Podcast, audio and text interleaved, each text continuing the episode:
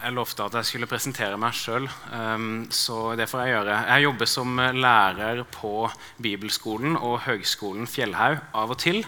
Eh, og så jobber jeg fast 40% som organist i Sinsen kirke, og så er jeg litt student. Eh, så jeg har en sammensatt hverdag. For noen år siden så pleide jeg å være en del i misjonssalen, men nå er det noen år siden sist jeg har vært her. Eh, tror jeg nesten. Så det er fint å være tilbake. Og så syns jeg det er veldig spennende at, at det er satt av fire kvelder hvor vi skal bli kjent med en av Bibelens bøker. Det har jeg veldig sansen for. Men for ei bok dere har valgt eh, å bli kjent med eh, Den starter jo med en litt berømt fortelling om en profet som får befaling om å inngå et ganske spesielt ekteskap og gi noen ganske merkelige navn til barna sine. Eh, og etter det så hopper den litt fram og tilbake mellom framtidshåp og advarsel, mellom preken og dikt. Eh, og den er innom ganske mange bilder og ganske mange temaer gjennom denne boka. Eh, og Dessuten så er det en bok som kan være ganske krevende å oversette. Har, det er ikke bare at strukturen i den kan være litt forvirrende, men det er en del av det hebraiske språket også som kan være litt utfordrende. Eh, og det er noen overraskende hopp i tankegangen som gir oversetteren noen ekstra ting å bryne seg på her. Eh, og dette er jo detaljer som ikke jeg kommer til å komme supermasse inn på um, i, denne, i, dette foredraget.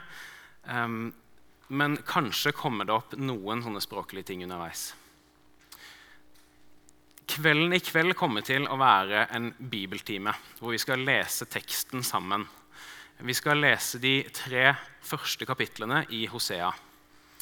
Eh, I morgen blir det noe helt annet. Da skal vi snakke om et tema og kanskje egentlig mer om hvordan vi kan lese Hosea. Men i kveld skal vi altså gå gjennom teksten og de tre første kapitlene. Og Hosea begynner sånn som dette. Herrens ord som kom til Hosea, sønn av Beeri, i de dager da Ussia, Jotam Akas og Hiskia var konger i Juda, og i de dager da Jeroboam, sønn av Joash, var konge i Israel. Det er sånn det begynner. Vi vet veldig lite om hvem Hosea var. Han er ikke så veldig godt introdusert her. Navnet hans betyr noe sånt som frelse. Det er beslekta med navnet Jesus. Um, så det er jo uh, fint men det forteller oss ikke så veldig mye om hvem han var. Men ut av dette som står her, så kan vi lese at han må ha vært aktiv som profet i hvert fall i 50 år, på 700-tallet før Kristus. Så nå befinner vi oss altså i den historiske perioden før Nordrikets fall i år 722. Hvis dere husker, Israel har vært delt i to nesten siden starten av kongetiden. Og da er det sånn at David sine etterkommere de styrer i den minste delen av landet, Juda, som ligger i sør. Eh, og det nordlige riket er det som kalles Israel. Eh, og det ser ut som Hosea først og fremst holdt på der oppe og snakka til de som var i det nordlige riket. Og dette en ganske kaotisk tid på flere måter. Det er noen utfordringer som Hosea tar tak i. Eh, det er politisk kaotisk. fordi Det som skjer nå, er at det er store riker som vokser opp på flere kanter. Så På den ene kanten så begynner Egypt å bli veldig mektige. Også på den andre sida har vi Asyria. Eh, og Israel stakkar, er i ferd med å bli en sånn slags kasteball mellom de store gutta. Så det er kjipt, og det er et problem som mange ser at det ligger og lurer der. Eh, og Det har kanskje en sammenheng med det som skjer inne i landet, fordi der er det også urolig. Det politiske styret i Israel i det nordlige riket er i ferd med å kollapse litt. Det er ganske mange konger som tar makten fra hverandre. Og de har litt forskjellige ideer om hvordan de bør løse ting. Om de burde prøve å bli venner med Egypt eller Syria, eller om de skal prøve å kjøre en hard linje. Og dessuten så er det en religiøs forvirring i denne tida. Det ser ut som om avgudsdyrkelse ikke bare er utbredt, men at det er noe som kongene og presteskapet deltar i og oppfordrer til. Så er det litt vanskelig å finne en eh, tydelig struktur for hele denne boka. Men de kapitlene vi skal se på i dag, kapittel 1-3, som ikke er så veldig lange, de ser ut som om de utgjør en slags enhet. Fordi de er ramma inn av en fortelling. Eh, og det er noe slags symmetri i det vi skal se på i dag. Og jeg tror det er veldig lurt uh, å kikke litt nøye på denne teksten. Denne uka er jo en glimrende mulighet til å lese gjennom Hosea og da tror jeg det er lurt å sette seg inn i denne første fortellingen, som setter temaet og tonen for veldig mye av boka. Så den er en veldig nyttig bakgrunn for resten av Hosea.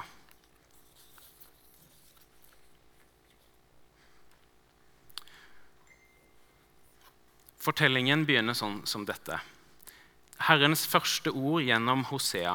Herren sa til Hosea.: Gå og få deg en horkvinne og horebarn, for landet horer seg bort fra Herren. Og han gikk og tok Gomer, Diblajims datter, til kone.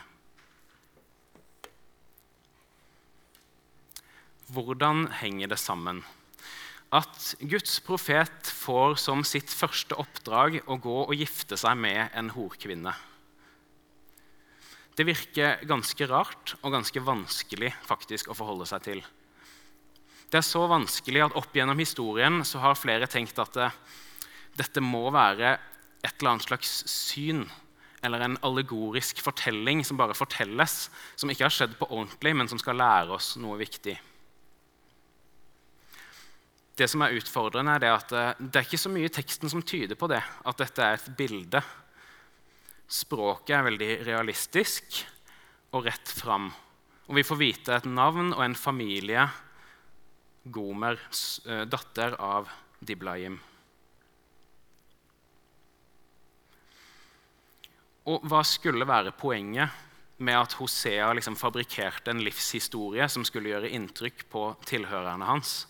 Det ville virke litt rart. Ville noen brydd seg hvis Hosea sa hør på disse dramatiske tingene som skjedde med meg, og så visste alle at det har jo aldri skjedd med Hosea? Det ser ut som om dette føyer seg inn i en rekke av profetiske handlinger i Det gamle testamentet. Vi har flere eksempler på det. Noen av de er ikke så gærne. De handler om for å kjøpe en krukke og knuse den. Um, og, det går liksom fint. Det kan man være med på for å illustrere et poeng. Det er et tegn, og så forklarer man det. Og så har du de litt mer ekstreme tilfellene. For så gikk Jesaja naken i tre år for å advare Egypt om kommende ydmykelser. Eh, og da er vi over på profetiske handlinger som koster litt eh, å gjennomføre. Og dette må jo kunne kalles eh, samme klasse. Gud ber en mann om å inngå ekteskap og binde seg til ei som har hatt som jobb å bryte ekteskapet. For det er ganske sannsynlig at det er snakk om en prostituert her. Bl.a. fordi det ville være vanskelig for ei ugift kvinne å livnære seg på andre måter. Det betyr ikke at vi skal se for oss en prostituert fra vår egen tid. Men vi må se for oss at det var noen som var økonomisk avhengig av gavene som hun fikk fra elskerne sine. Denne historien er så utrolig knapp og jeg skulle gjerne visst hva tenkte Hosea egentlig da han gikk inn i dette. Det er en historie som har veldig få ord, men ganske mye budskap. Og den har blitt gjenfortalt i mange versjoner opp igjennom. Men jeg tror det er et poeng at det er akkurat denne historien som innleder det Hosea skal gjøre. Begrunnelsen kommer jo allerede i samme setning her. For landet horer seg bort fra Herren. Det er et bilde som er en utrolig krass kritikk av det samfunnet som Hosea levde i. Israelsfolket er som en prostituert som selger troskapen sin og håper at de kan kjøpe økonomisk sikkerhet og andre ting som de trenger, i bytte for det. Og dette begrepet, dette bildet, denne måten å snakke på, det går igjen gjennom hele boka. Utroskap brukes som et bilde på det Israel holder på med. Så det vil man merke hvis man leser gjennom eh, at det er domstekster, og så plutselig dukker dette bildet opp igjen innimellom alt det andre. Akkurat som Hosea nå tar til seg en utro kvinne, så har Gud tatt til seg et utro folk. Så det å binde seg til en som er utro, det er ikke en diskvalifikasjon fra å være profet. Her fungerer det nærmest som Hosea sin bakgrunn for å være profet. Det er den første beskjeden han får. Det fungerer nærmest som kallet hans. Det kommer ikke noen annen kallsfortelling i denne boka. Hosea ser det nesten ut som kan snakke på Guds vegne fordi han nærmest har fått prøve noe av det samme som Gud har vært borti. Det, det er jo ikke sammenlignbart, men likevel det minner om det forholdet Gud står i med Israel. Så fortsetter historien. Hun ble med barn og fødte ham en sønn. Herren sa til ham, 'Kall ham Israel.' For om ikke lenge vil jeg straffe Jehus hus for blodbadet i Israel og gjøre ende på kongedømmet i Israel. Og den dagen skal jeg bryte i stykker Israels bue på Jisrael-sletten. Jisrael det er ikke noe vanlig personnavn. Det finnes et sted i Bibelen, men det er ikke det som er poenget her. Det som er Poenget her er at det skal fungere som en påminner og et tegn. Det skal få oss til å tenke på byen Jisrael nord i Israel.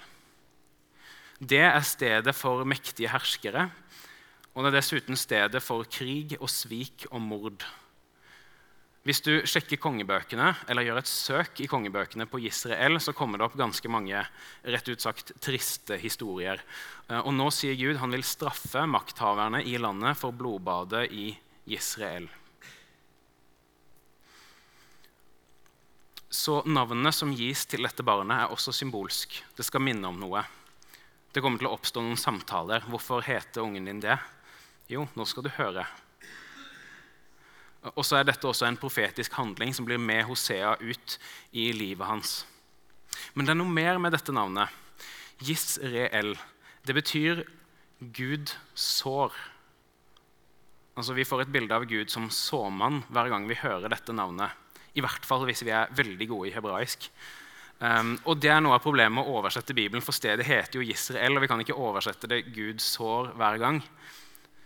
Men på hebraisk så ligger det et hint av det der, og det kommer til å dukke opp seinere i fortellingen. Fordi Gud er den som sår. Altså, det er ikke Baal som sår. Det er ikke Baal som Israel nå dyrker, som egentlig kan gi mat og sikkerhet. Det er det Gud som gjør. Så det ligger en slags kritikk under her som kommer til å bli litt tydeligere etter hvert. Foreløpig blir det ikke sagt så mye om akkurat det. Så får han et barn til. Siden ble hun med barn igjen og fikk en datter. Herren sa til ham, altså Hosea, kall henne Lo Ruhama, ikke barmhjertighet. For jeg vil ikke lenger være barmhjertig mot Israels hus og ikke tilgi dem. Men Judas hus vil jeg være barmhjertig mot. Jeg vil frelse dem ved Herren deres Gud, men jeg vil ikke frelse dem ved bue, sverd og krig, ved hester og ryttere. Lo Ruhama. Dette er definitivt ikke et personnavn. Det er ingen som går og kaller dattera si for ikke barmhjertighet eller ikke elsket. Og når vi snakker om ekstreme profetiske handlinger, Se for dere konsekvensen av dette i hverdagen til Hosea når han skal stå ute på veien og rope 'Ikke elsket, kom hjem og spis middag'. Det er ganske kleint. Og det er dømt til å bli et konstant samtaletema. I et samfunn hvor barn blir sett på som den største velsignelsen, kanskje den største du kan få. Men når dette blir et samtaletema, så kan Hosea svare jo, fordi folket i Israel er nemlig selv lo ruchama. De er barn av en utro mor som ikke kan forvente å bli elska, som ikke kan forvente å finne barmhjertighet. Men så skjer det noe i dette verset. Det dukker opp to sider av saken her med en gang. Fordi Gud vil likevel frelse. Ikke sånn som vi kanskje hadde tenkt, ikke ved hjelp av det mektige Nordriket, og ikke ved sverd og krig, men på en eller annen måte så vil han frelse gjennom alle vanskelighetene som ligger foran. Så det er akkurat som om Hosea liksom må skynde seg og legge til at eh, Guds barmhjertighet tar likevel ikke slutt. Guds ikke-barmhjertighet kan ikke få det siste ordet. Det må være noe mer. Foreløpig blir dette bare hengende i lufta. Men det er allerede et glimt av noe mer som skal komme etterpå. Så er det den siste sønnen. Da hun hadde avvent Lo Ruhama, ble hun med barn igjen og fikk en sønn. Herren sa, 'Kall ham Lo Ami', ikke mitt folk, for dere er ikke mitt folk, og jeg er ikke her for dere. Dette er heller ikke et ordentlig navn. Ikke mitt folk. Og det minner oss litt om det forrige navnet. Det er en sammenheng her. Ikke elsket, ikke mitt folk. Det er ganske harde budskap. Men på en måte så går dette navnet enda lenger, det er enda mer ekstremt. Fordi vi husker kanskje at Gud sa til Moses, 'Du skal føre mitt folk ut av Egypt'. Og så sa Gud til farao, 'La mitt folk dra'. Og så sa Gud til hele israelsfolket, 'Dere skal være mitt folk, og jeg skal være deres Gud'. Det ligger så masse historie bak om mitt folk. Akkurat det begrepet har vært brukt flere ganger. Og nå sier Gud, 'Dere er ikke mitt folk, og jeg er ikke deres Gud'. Det er en direkte fornektelse av det som har vært sagt før. Hva er det som har skjedd? Jo, pakten, grunnlaget for Israels eksistens, det er som nulla ut fordi pakten er brutt. Og Israel har ikke lenger noen rett til å kalle seg Guds folk. Med navnene på disse tre barna så har Hosea ikke bare felt en kraftig dom, men han har på en måte plukka fra hverandre Israels eh, selvsikkerhet og trygghet. Kongehuset i Israel de kan ikke gi noen trygghet lenger. De er en dårlig vits. De står sjøl under Guds vrede for det blodbadet de har stelt i stand. Da kan alt skje. Og Guds barmhjertighet kommer ikke til å hjelpe dette folket. Det nytter ikke å støtte seg på at de er Guds folk, fordi pakten er brutt. De har ikke lenger noen rett til å være Guds folk. Så langt ikke spesielt oppløftende lesning. Men så skjer det noe veldig rart. Fordi nå bytter vi på en måte sjanger. Til nå har det vært en fortelling, og så kommer det et nytt avsnitt som har en helt annen tone. Som er en profeti om framtida, om gode ting som skal komme. Så alt snur. Og så sies det i stedet Israels barn skal bli tallrike som havets sand, som ikke kan måles og ikke telles. Det stemmer fortsatt at pakten mellom Gud og folket er brutt. Men her kommer det en tanke og en idé som griper til noe som skjedde før.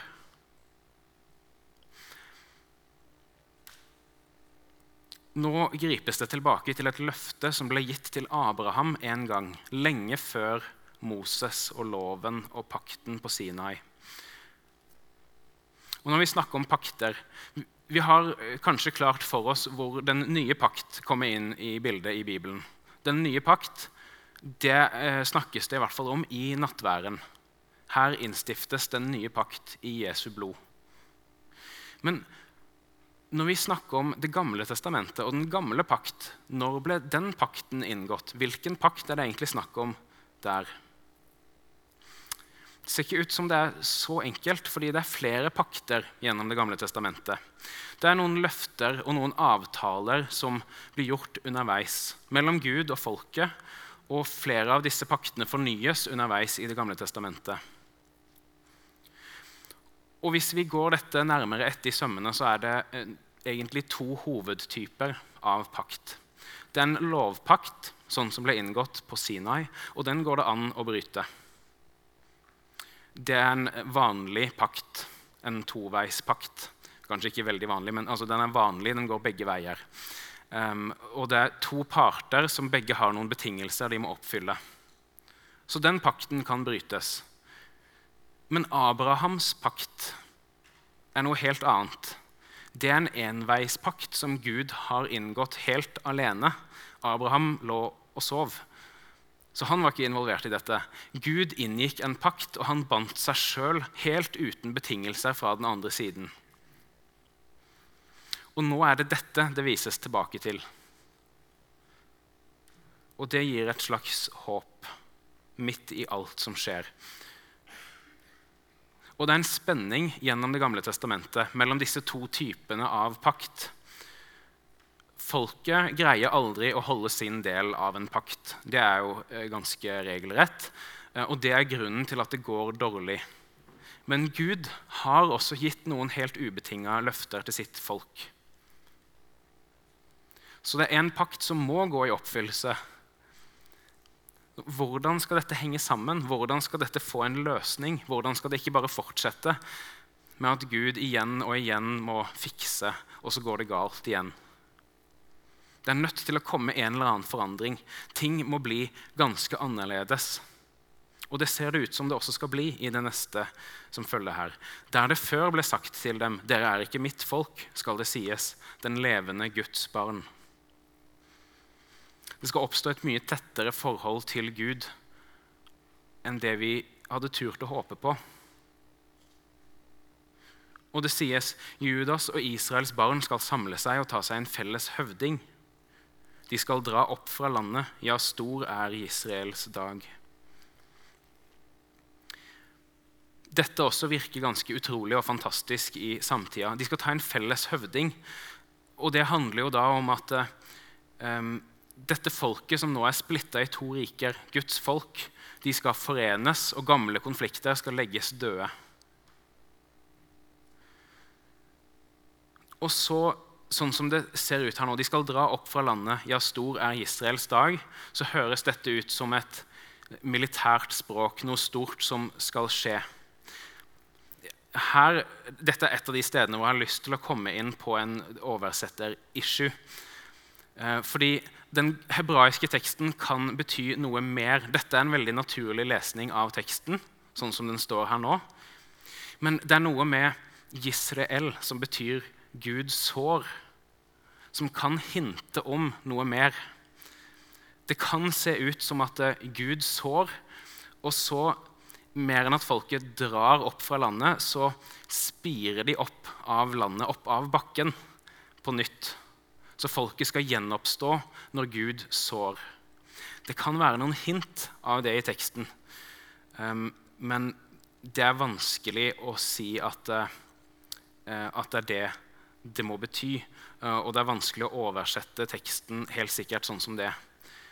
Fordi Israel er fortsatt et navn, først og fremst.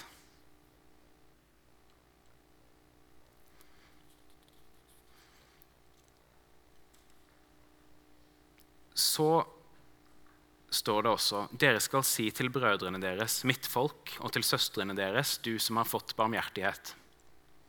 Og Nå må vi huske hva Hosea har kalt barna sine. Han har kalt den yngste sønnen ikke mitt folk, og han har kalt dattera ikke fått barmhjertighet, ikke elsket.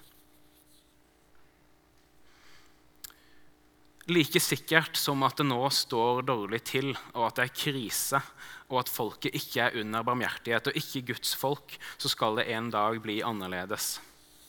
En dag skal det bli fullkomment. Hva er sammenhengen? Hvordan kan det skje? Vi får fortsatt ikke vite noe mer om det.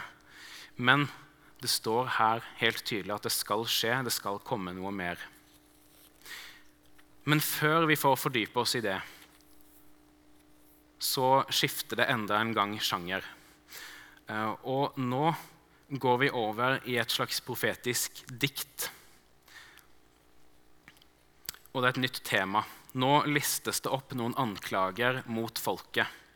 Det er på en måte mer direkte, eh, for det snakkes ganske direkte til folket. Eh, men det er fortsatt ganske mange metaforer og bilder som har med det vi allerede har hørt. Og bildet blir nå litt tydeligere. Det ser ut som at folket sine ledere er de som framstilles som en utro kvinne. Og folket selv de er barna av denne kvinnen som har på en måte fulgt sin mor. Og nå blir de oppfordra til å føre en sak, en rettssak mot sin egen mor, altså sine egne ledere. Og jeg leser det første avsnittet i rettssaken. Før sak mot deres mor, før sak. For hun er ikke min kone, og jeg er ikke hennes mann. Hun skal fjerne hvert horetegn fra ansiktet, ta, hvert, ta bort hvert utroskapstegn mellom brystene. Ellers skal jeg kle av henne så hun står der like naken som den dagen hun ble født. Jeg vil la henne bli som en ørken, gjøre henne lik et tørt land og la henne dø av tørst. Barna hennes vil jeg ikke være barmhjertig mot, for de er horebarn. For deres mor drev hor. Hun som fødte dem, førte skam over seg selv. Hun sa, 'Jeg vil gå etter elskerne mine, de som gir meg brød og vann, ull og lin, olje og vin.'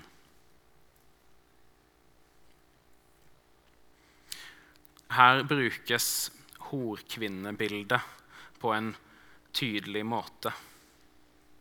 Det blir sagt på slutten her at hun har gått til elskerne sine, til fremmede makter og fremmede guder, um, fordi de kunne gi henne brød og vann, ull og lin, olje og vin, den rikdommen som hun trengte.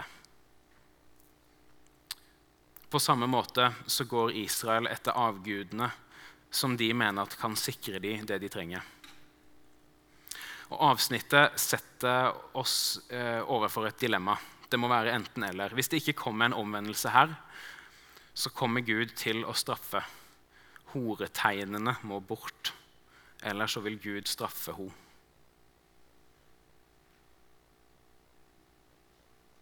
Men det kommer mer. Vers 6 starter med et 'derfor'. Og det sier hva Gud nå vil gjøre. Disse versene utdyper det som kommer til å være dommen, og de forklarer dessuten noen viktige ting som har med det å gjøre. Jeg leser. Derfor vil jeg stenge veien for henne med torner. Jeg murer en mur rundt henne, så hun ikke finner stiene sine.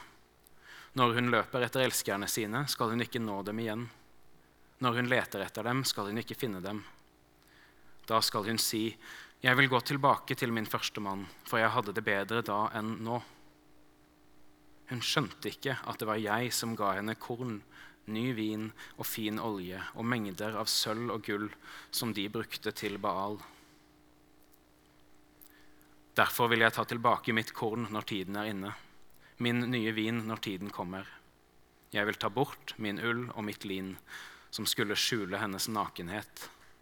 Nå vil jeg avdekke kjønnet hennes for øynene på elskerne hennes, og ingen skal berge henne ut av min hånd. Jeg gjør ende på all hennes glede, festene, nymånedagene og sabbatsdagene, alle høytidene hennes. Jeg ødelegger vinstokkene og fikentrærne hennes om dem har hun sagt, de er betaling jeg fikk av mine elskere. Jeg gjør dem til krattskog, og villdyr skal ete dem. Jeg vil straffe henne for de dagene da hun tente offerild for Baal-gudene, pyntet seg med ringer og smykker og gikk etter sine elskere, men glemte meg, sier Herren.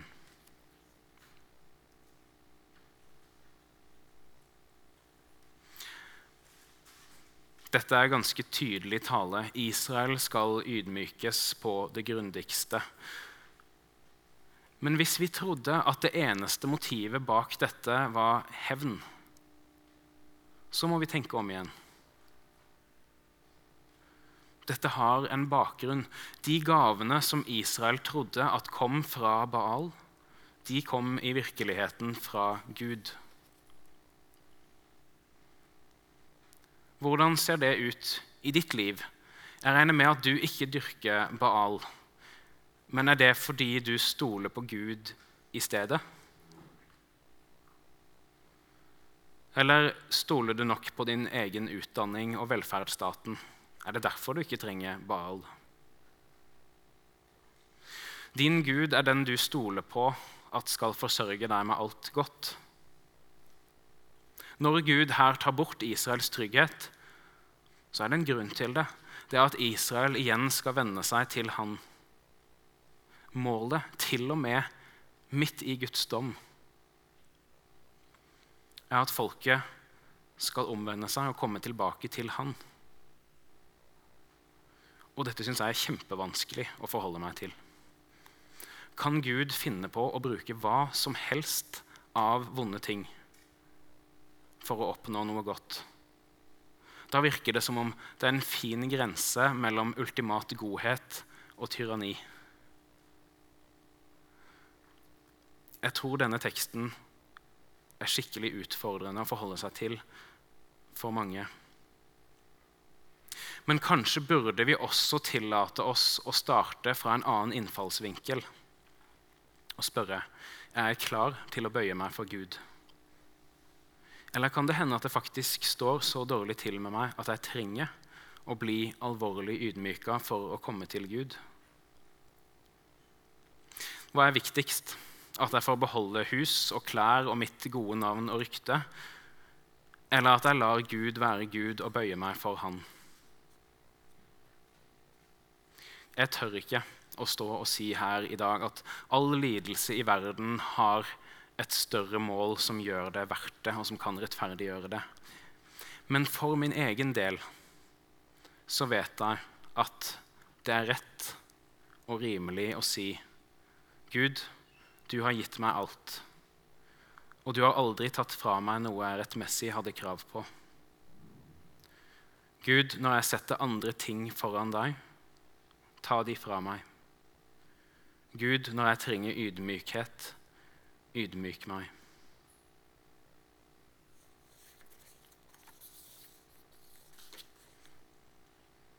Hvis jeg faktisk tror at Gud er den største og det viktigste som finnes, så burde ingenting få stå i veien.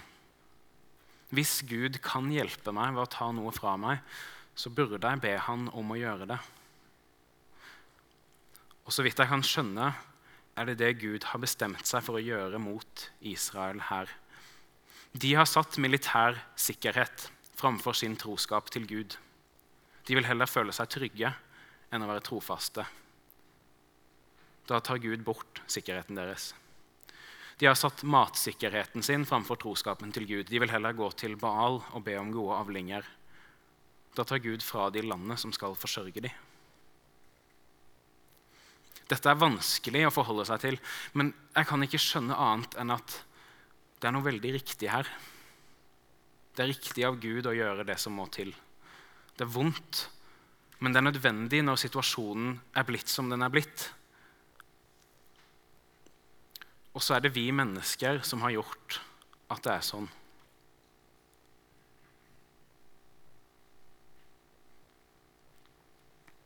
Men så slutter det ikke der heller for det snur igjen. Og Jeg nevnte noe innledningsvis om at det er en slags symmetri i disse kapitlene. Og nå har vi hatt eh, noe lange greier som ser ut som et dikt. Eh, og så kommer vi tilbake til en framtidsvisjon og en profeti som snakker om noe helt annet. Sånn som vi også hadde i overgangen mellom kapittel 1 og 2. Så nå har vi på en måte jobba oss inn til midten i symmetrien, og så har vi begynt å jobbe oss ut igjen. Og dette utdyper det som vi leste mellom kapittel, overgangen kapittel 1 og 2. Nå sier Gud, derfor vil jeg lokke henne, føre henne ut i ørkenen og tale til hennes hjerte. Der vil jeg gi henne vingårdene tilbake, og Akordalen skal bli en håpets port. Der skal hun svare som i ungdomsdagene, som da hun dro opp fra Egypt. Og den dagen, sier Herren, skal hun kalle meg min mann. Hun skal ikke lenger kalle meg min Baal. Jeg vil fjerne Baal-navnene fra hennes munn. De skal ikke nevnes ved navn mer. Gud vil føre henne ut i ørkenen igjen. Fordi dette har skjedd før. Israel har vært ute i ørkenen, og de måtte være der i 40 år for å lære å stole på Gud. Og nå skal de igjen bli ført til et fremmed land. Og Israel ble ført i eksil kanskje noen tiår etter at dette ble sagt. Og målet er at de igjen skal vende seg til Gud. Den dagen vil jeg slutte en pakt for dem med villdyrene på marken, fuglene under himmelen og krypet på jorden. Bue, sverd og krigsvåpen vil jeg bryte i stykker og utrydde av landet, og jeg vil la dem bo trygt. Nå tar det helt av. Pakt med villdyrene, fuglene og krypdyrene. Nå er vi helt tilbake i skapelsen, i de første kapitlene i Bibelen. Forholdet mellom menneske og skaperverk skal gjenopprettes. Det er ikke bare pakten som skal gjenopprettes. Det er ikke bare Israel som Guds folk. Men selve skaperordningen, de mest grunnleggende tingene som har gått galt for mennesket, det skal gjenopprettes, og det skal bli fullkomment. Jeg vil binde meg til deg for alltid. Jeg vil binde meg til deg i rettferd og rett, i kjærlighet og barmhjertighet. Jeg vil binde meg til deg i troskap, og du skal kjenne Herren. Dette høres litt ut som en vielse, gjør det ikke? Det høres ut som noen holder på å inngå et ekteskap her. Men legg merke til at det er Gud sjøl som sier det. Og det spørres liksom ikke etter et svar engang. Gud bare sier det. 'Jeg vil binde meg til deg'. Uansett hvor troløst dette folket har vært, så står dette betingelsesløse løftet fast. 'Jeg vil binde meg til deg'. Det er Guds vilje som er forklaringen på hvorfor dette helt sikkert kommer til å gå til slutt. Gud har bestemt seg. Det skal skje. Folket er ikke i stand til å omvende seg sjøl, men Gud vil sørge for at det skjer. Og Til syvende og sist så avhenger ikke frelsen av hva folket gjør eller vil, men av Gud som vil og setter frelsen i verk. Den dagen vil jeg svare, sier Herren. Jeg vil svare himmelen, og den skal svare jorden. Jorden skal svare kornet, den nye vinen og den fine oljen, og de skal svare Gisrael. Gud sår. Jeg vil så henne ut i landet mitt og vise barmhjertighet mot Lo-Ruhama. Til Lo Ami vil jeg si, du er mitt folk. Og han skal svare, min Gud. Alt det som ble pekt på i kapittel 1 om Israel, det får en helt ny klang og en ny betydning her.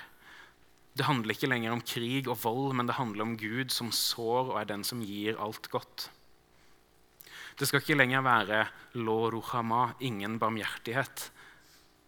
Jeg vil vise barmhjertighet mot lo ruhama. Til lo ami, ikke mitt folk, vil jeg si, du er mitt folk. Og han skal svare, min Gud.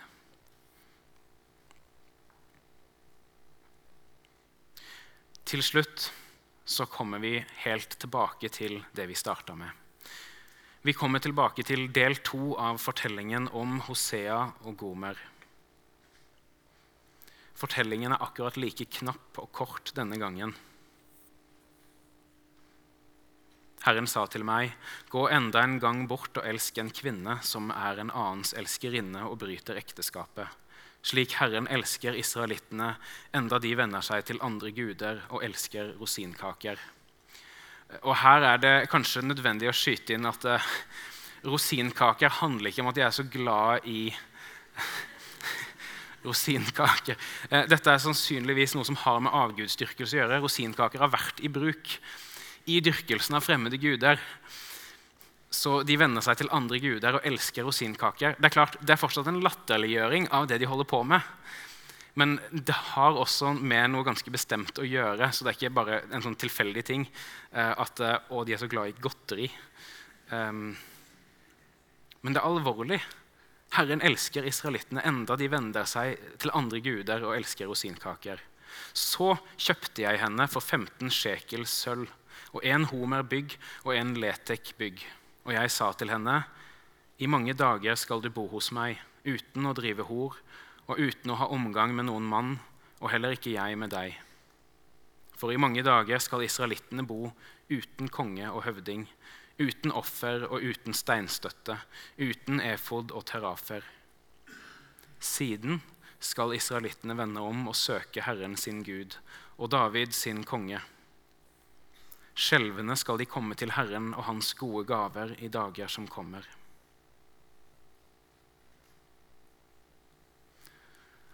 Disse fortellingene om Hosea og Gomer er veldig korte. De overlater ganske mye til fantasien. Hva i alle dager er det som har skjedd? Hvor har hun vært? Og hvorfor må hun kjøpes fri?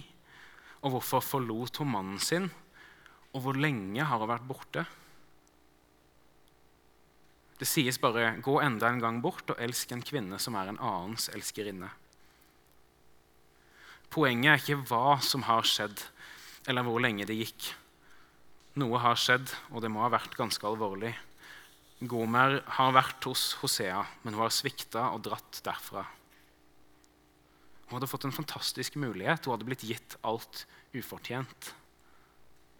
Det hadde vært rimelig å forvente en liten omvendelse fra det hun hadde holdt på med før.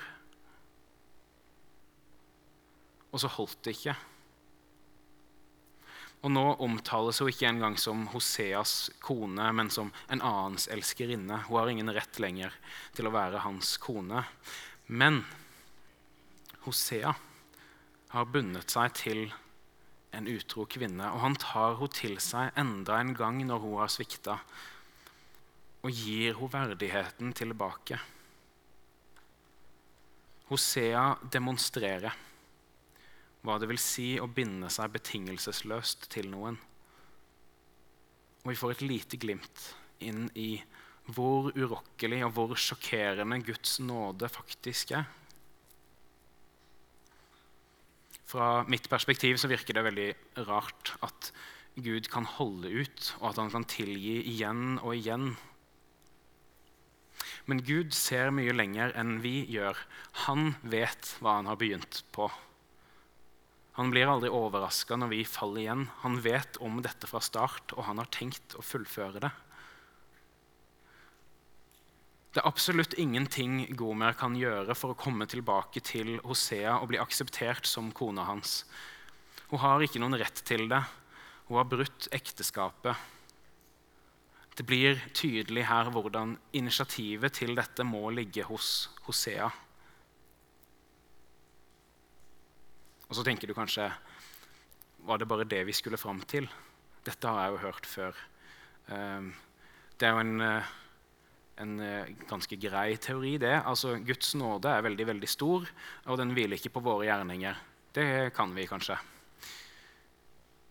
Men for min del så er det litt forfriskende å se at dette er veldig mye mer enn teori. Og det gir en litt annen mening når jeg får se det demonstrert i praksis. Noen ganger kan jeg oppleve at Gud og Hans nåde det blir så utrolig upersonlig. Fordi det er så konsekvent, det er så bastant. Det oppleves som en maskin som bare mater ut nåde. Som ikke bryr seg, som bare gjør det uansett. Så Gud blir mer som en nådemaskin enn som et menneske. Men når jeg tenker på to mennesker som faktisk har opplevd dette i livene sine, så blir det noe annet med nåde. Og da må vi huske at Guds nåde den er ikke mindre personlig enn det vi ser her. Nei, den er mer personlig. Gud er selvfølgelig ikke et menneske, men han er veldig mye mindre som en maskin.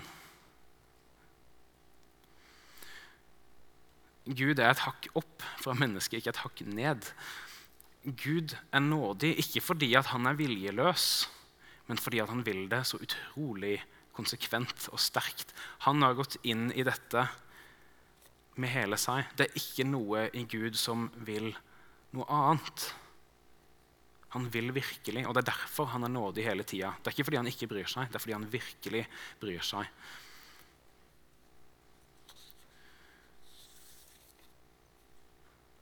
Hvis jeg skal prøve å oppsummere, så er budskapet i disse kapitlene ganske sammensatt. I midten, i sentrum for det hele, så er det en advarsel om en straff som er på vei, og en ganske tydelig oppfordring til å omvende seg. Og så ser vi at til og med denne straffen har et godt mål, at folket skal vende om til Gud. Men da er det fantastisk å se at rammen som det hele er satt i, det er en forsikring om, et løfte om at Gud vil frelse. Evangeliet blir forkynt på flere måter, både i form av denne visjonen om hvordan det skal bli en gang, og også i handling av Hosea sjøl. Så det er en mye større fortelling som omgir disse advarslene og mye lengre perspektiver, lengre bak til løftene, til skapelsen, lengre fram til fullendelsen. Hosea slutter ikke her. Etter denne fantastiske fortellingen så kommer det ganske mange kapittel med domstekster. Og Det kommer til å være tema for i morgen. Spørsmålet som jeg kommer til å ta opp da er, Hvis vi allerede har fått høre nå at Guds nåde er ubetinga, og at alt skal gjenopprettes, hvorfor er da nesten hele boka likevel fylt av dom? Det spørsmålet skal vi gå videre med i morgen. Jeg vil gjerne be til slutt.